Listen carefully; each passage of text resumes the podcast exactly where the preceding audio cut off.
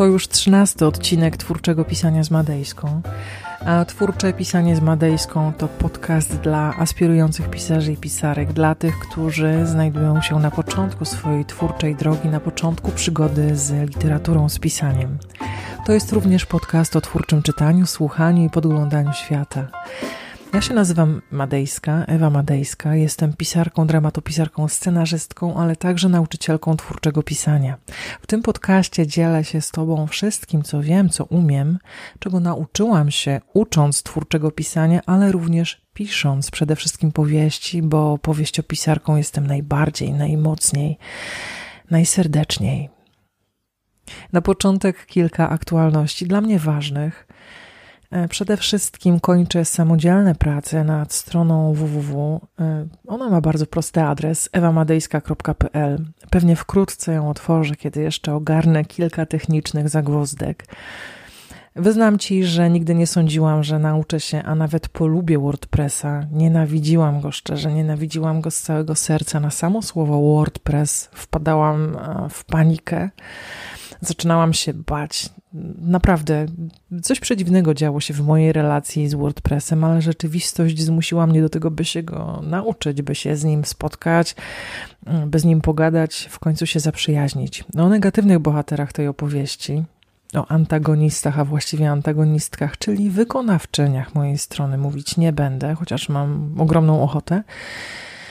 Bo to jest kwestia kilku prostych reguł, bo to jest kwestia kilku zasad, bo to jest kwestia również smaku, ale jeżeli zechcesz prywatnie, oczywiście opowiem Ci o szczegółach tej historii. Co jest jeszcze fajne, co jest jeszcze e, zatrzymujące moją uwagę w teraźniejszości, ano to, że pracuję nad dwoma e-bookami. Pierwszy z nich będzie mówił o podstawach podstaw twórczego pisania, więc o tym, co jest najważniejsze co jest najważniejsze na początku twórczej drogi aspirującego pisarza, aspirującej pisarki.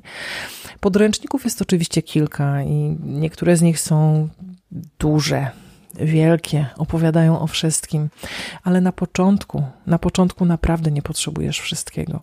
E, w tej masie informacji, w tej masie teorii możesz się zgubić i przegapić, przegapić to, co istotne, to, co to czego rzeczywiście potrzebujesz, kiedy zaczynasz pisać.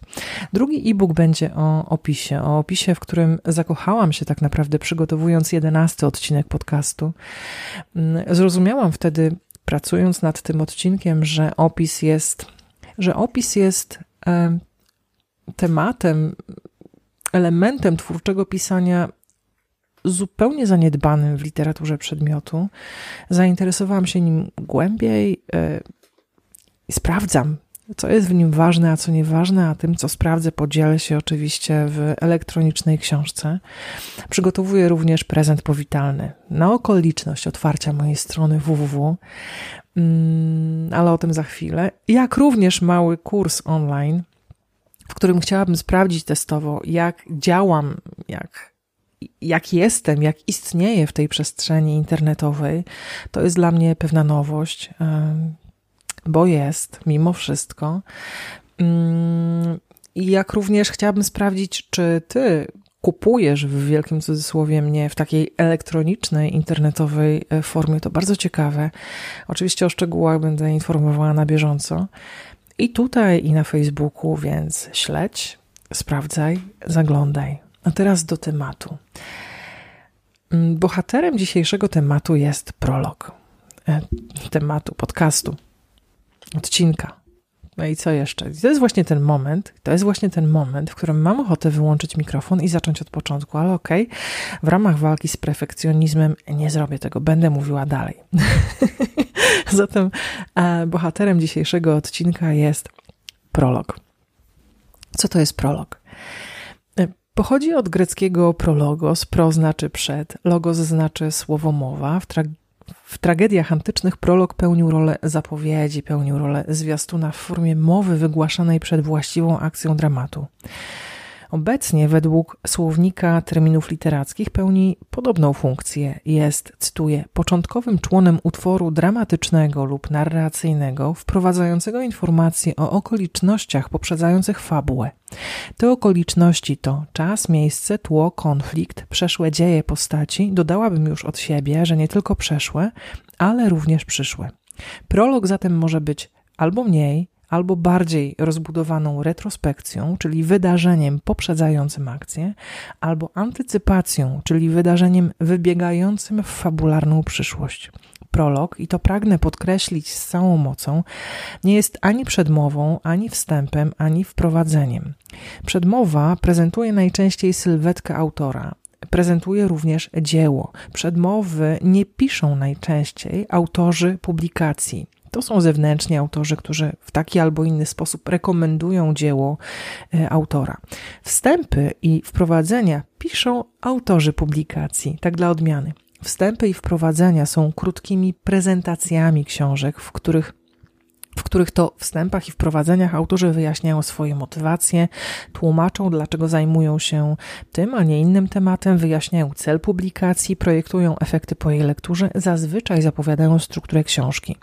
Podkreślam, przedmowa, wstęp, wprowadzenie to nie prolog. Przedmowa, wstęp, wprowadzenie to stałe elementy literatury naukowej czy poradnikowej. Prolog w całości należy do dramatu i do literatury. Zostańmy przy literaturze.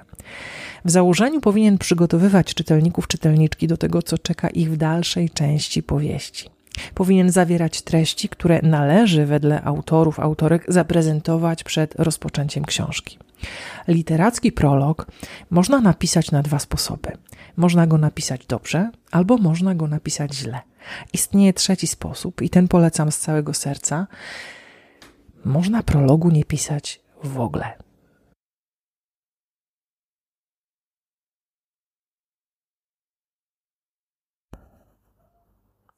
Nie będę ukrywać, że mam kłopot z prologiem. Nigdy żadnego nie napisałam i pewnie nie napiszę. Nie widzę po prostu potrzeby. Mam z nim również kłopot jako czytelniczka. Zazwyczaj omijam tę część powieści, ponieważ nie widzę większego sensu w rozbudowanej albo retrospekcji, albo antycypacji.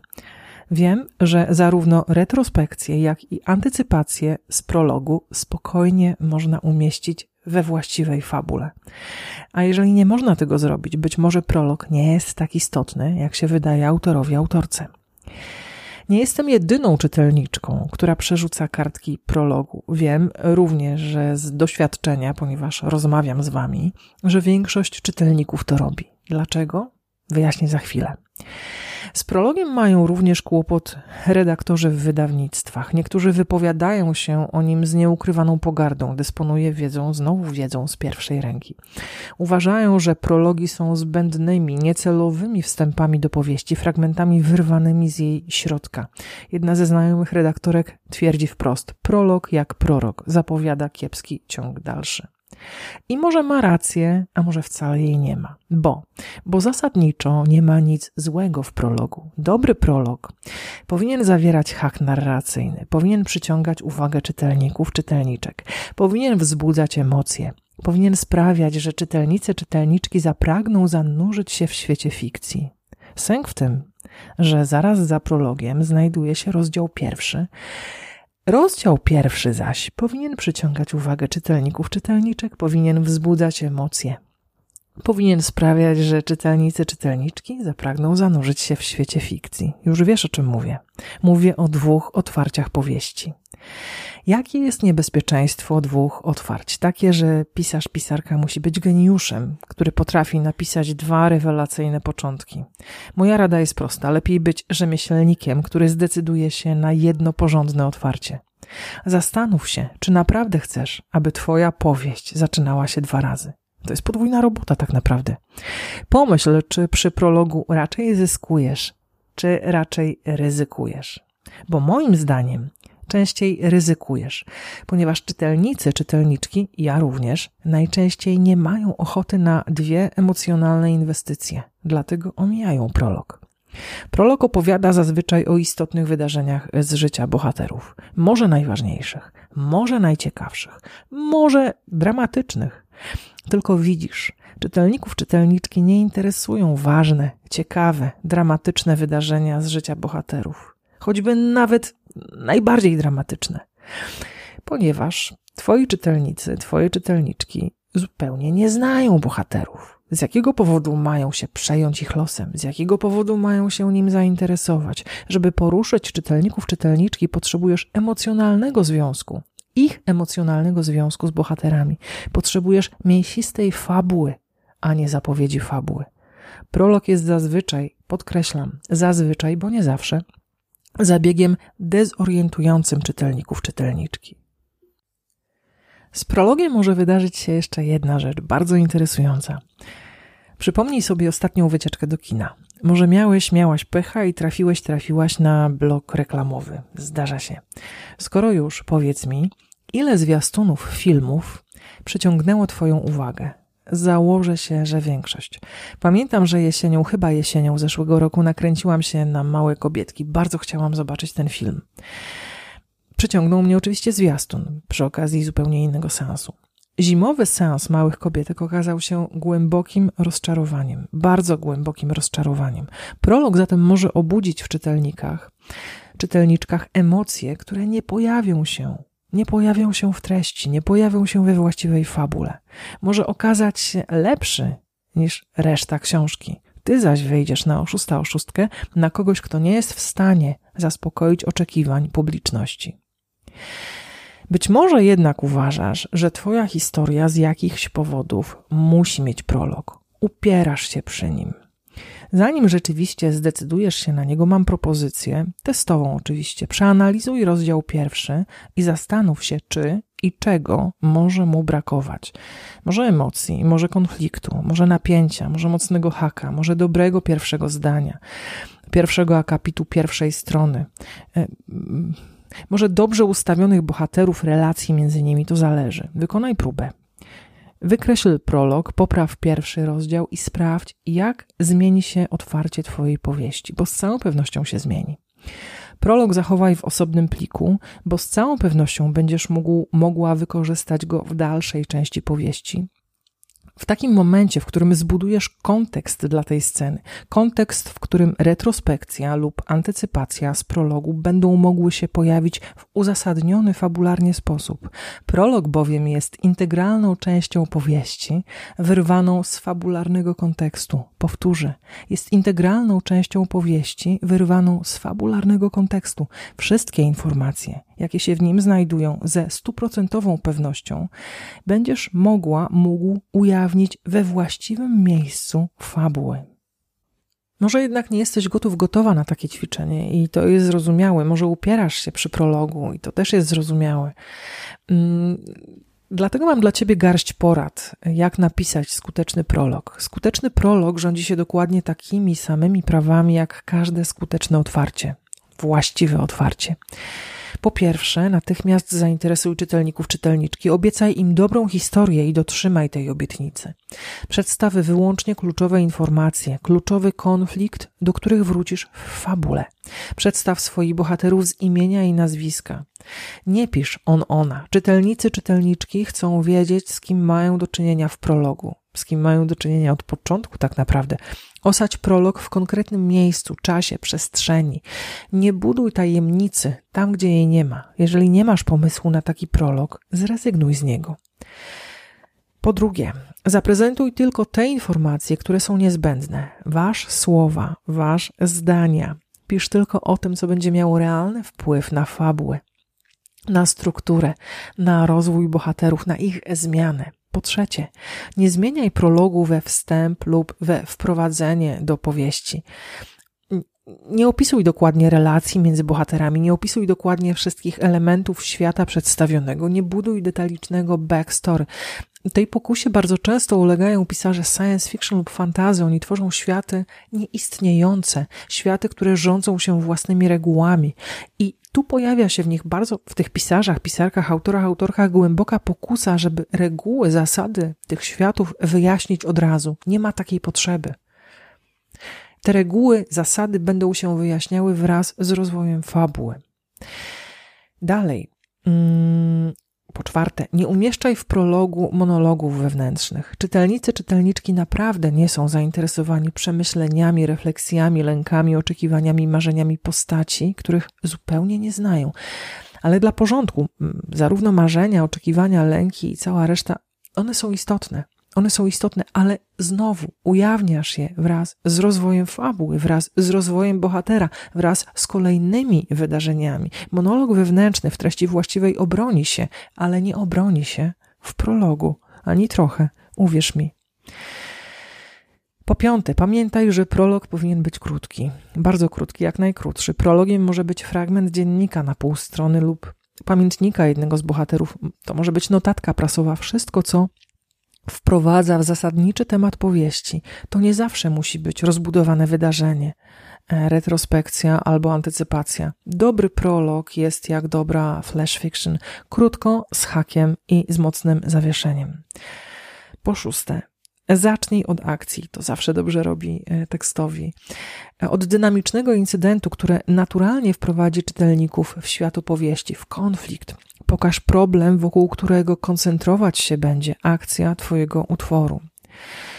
E, po siódme, zachowaj spójność stylu, tonu, głosu. Prolog stanowi zapowiedź przyszłej historii. Zwiastun tej historii nie może się od niej diametralnie różnić. I po ósme, w skutecznym, zatrzymującym uwagę prologu bohaterem nie musi być protagonista. W skądinąd słabej, bardzo słabej książce Jojo Moyes, zanim się pojawiłeś, prolog napisany jest w trzeciej osobie liczby pojedynczej i opowiada o tym, jak doszło do wypadku sama Cliffina, w którym już za chwilę zakocha się główna bohaterka Lou Clark. To ona już od pierwszego rozdziału stanie się pierwszoosobową narratorką historii. Sama Cliffina autorka odsuwa w cień. Tyle porad, więcej naprawdę nie potrzebujesz. E, jeden z najlepszych prologów, jakie w ogóle czytałam, znajduje się to Żadna tajemnica w półbracie Larsa Sabie Christensena. Ta powieść jest według mnie genialna, na wielu poziomach genialna i oczywiście w moim osobistym rankingu, w twoim wcale nie musi taką być. Prolog w Półbracie jest retrospekcją wydarzenia z początku lat 60. Spotykamy w nim dwóch przyrodnich braci, starszego Freda i młodszego Barnuma. Prosta scena przy kiosku, w którym sprzedaje Ester, staje się przyczyną konfliktu między braćmi. Barnum kupuje Candice i odbierając od Ester resztę mówi bardzo dziękuję.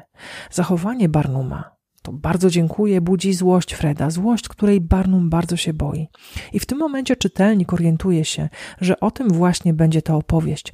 O toksycznej miłości młodszego brata do starszego brata, o trudnej relacji między nimi i o konsekwencjach tej miłości, tej relacji, które to konsekwencje w doskonałej klamrowej kompozycji pokaże nam autor w rozdziałach pierwszym i ostatnim. Ale wróćmy do prologu. Fred uważa, że Barnum jest grzecznym idiotą. I tu pozwól na krótki cytat. Chciałem mu oddać monetę. Fred siedział i tylko na mnie patrzył. Znów się zaniepokoiłem. Dlaczego mówisz bardzo dziękuję, skoro dostajesz z powrotem pieniądze, które są nasze? Nabrałem powietrza. Tak tylko powiedziałem. Następnym razem lepiej się zastanów, dobra? Dobra, szepnąłem. Bo nie chcę mieć brata, który robi z siebie durnia, chociaż jest tylko moim przyrodnim bratem. Dobra, Będę się zastanawiać. Bardzo dziękuję. Bardzo dziękuję to za srane wyrażenie. Nigdy nie mów bardzo dziękuję, rozumiesz? Fred wstał, splunął gęstą brązową śliną, poszybowała wysokim łukiem i głośno upadła na trawę, na wprost przed nami. Zobaczyłem, że pełznie do niej gromada mrówek. Pić mi się chce, oznajmił Fred. Od kandyzu zawsze cholernie chce mi się pić. Fred postanawia, że wróci razem z Barnumem do sklepiku Ester, że Barnum kupi czerwony napój i że tym razem nie powie bardzo dziękuję przy odbieraniu reszty. Barnum zdaje egzamin. Fred jest dumny z młodszego brata, bo oto następuje ciąg dalszy prologu. Posłuchaj. Chciałem mu też oddać pięcioyrówkę. Możesz ją sobie zatrzymać, oświadczył. Zacisnąłem palce na miedziaku. Mógłbym nim grać w monety, gdyby ktoś chciał ze mną w to grać. Bardzo dziękuję, powiedziałem. Fred westchnął głęboko, a ja się wystraszyłem, że znów się wkurzy. Byłem gotów odgryźć sobie język i go połknąć. On jednak objął mnie ramieniem i wycisnął ostatnią kroplę z soku z torebki do rynsztoka. Pamiętasz, o co cię wczoraj pytałem? Pyta. Pośpiesznie kiwam głową i ledwie śmiem oddychać. Nie, szepczę. Nie? Nie pamiętasz? Pamiętam, ale nie chcę pamiętać. I nie potrafię tego zapomnieć. Wolałbym mimo wszystko, żeby Fred nie zaczął znów mówić. Nie, Fred, nie pamiętam. Mam cię zapytać jeszcze raz? Tak, szepcze. A Fred się uśmiecha. To znaczy, że nie jest wkurzony, skoro się uśmiecha. Chcesz, żebym ci zabił ojca? Barnum pyta. Mam na imię Barnum. Takim właśnie zawieszeniem kończy się prolog w półbracie, prolog, przy którym mam e, zawsze ciarki na plecach. Ten prolog u Christensena zatrzymuje uwagę, przykuwa ją wręcz do tekstu. Jest krótki, konkretny, osadzony w czasie, przestrzeni, również w przestrzeni emocjonalnej. Spełnia swoją funkcję, jest skuteczny. Buduje mocne wydarzenie, budzi emocje, prezentuje konflikt, zawiera napięcie, wprowadza głównych bohaterów. E, i to bardzo dobrze, ponieważ otwarcie pierwszego rozdziału jest dużo słabsze w porównaniu od otwarcia prologu. Ale ponieważ doskonale znam cały tekst powieści, wiem, że ten fragment, że prolog mógłby spokojnie pojawić się na stronie na przykład 359. To wydarzenie, wydarzenie spod sklepu Ester. Mógłby się pojawić w środku opowieści o Barnumie i Fredzie. Ale pojawia się tutaj, teraz. Jeżeli potrafisz napisać taki prolog, pisz, pewnie, że tak. Podsumowując, jeżeli prolog wciąż cię kusi, przed jego napisaniem rozważ dwie kwestie. Zastanów się, czy rzeczywiście jest konieczny. To pierwsza kwestia.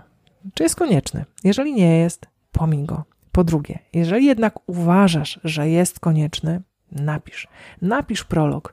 Pamiętaj, aby był konkretny, krótki, mocny, z hakiem narracyjnym, jak u Christensena, albo jeszcze lepszy. I po trzecie, poza dwoma kwestiami powyższymi. Nie słuchaj mnie. W ogóle. Rób co chcesz. Pisz prologi, jeżeli czujesz się z nimi i w nich dobrze, pisz prologi. Piękne bowiem jest to, że czasem to, co według mnie nie działa, w Twoim przypadku może zadziałać świetnie. Kto wie. Dziękuję to wszystko na dzisiaj. Słyszymy się za dwa tygodnie, 22 maja. Jeżeli masz pytania, wątpliwości, jeżeli jesteś zainteresowany, zainteresowana indywidualnymi konsultacjami, napisz kontakt małpa ewamadejska.pl.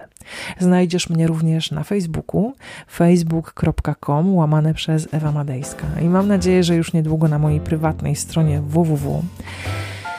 No, widzę koniec zmagań. Mam nadzieję, że już wkrótce ją otworzę. E, ogarnięcie WordPressa jest znacznie trudniejsze niż napisanie powieści. Ja to zrobiłam. To oznacza, że ty możesz napisać powieść. Do dzieła, do roboty. Słyszymy się 22 maja.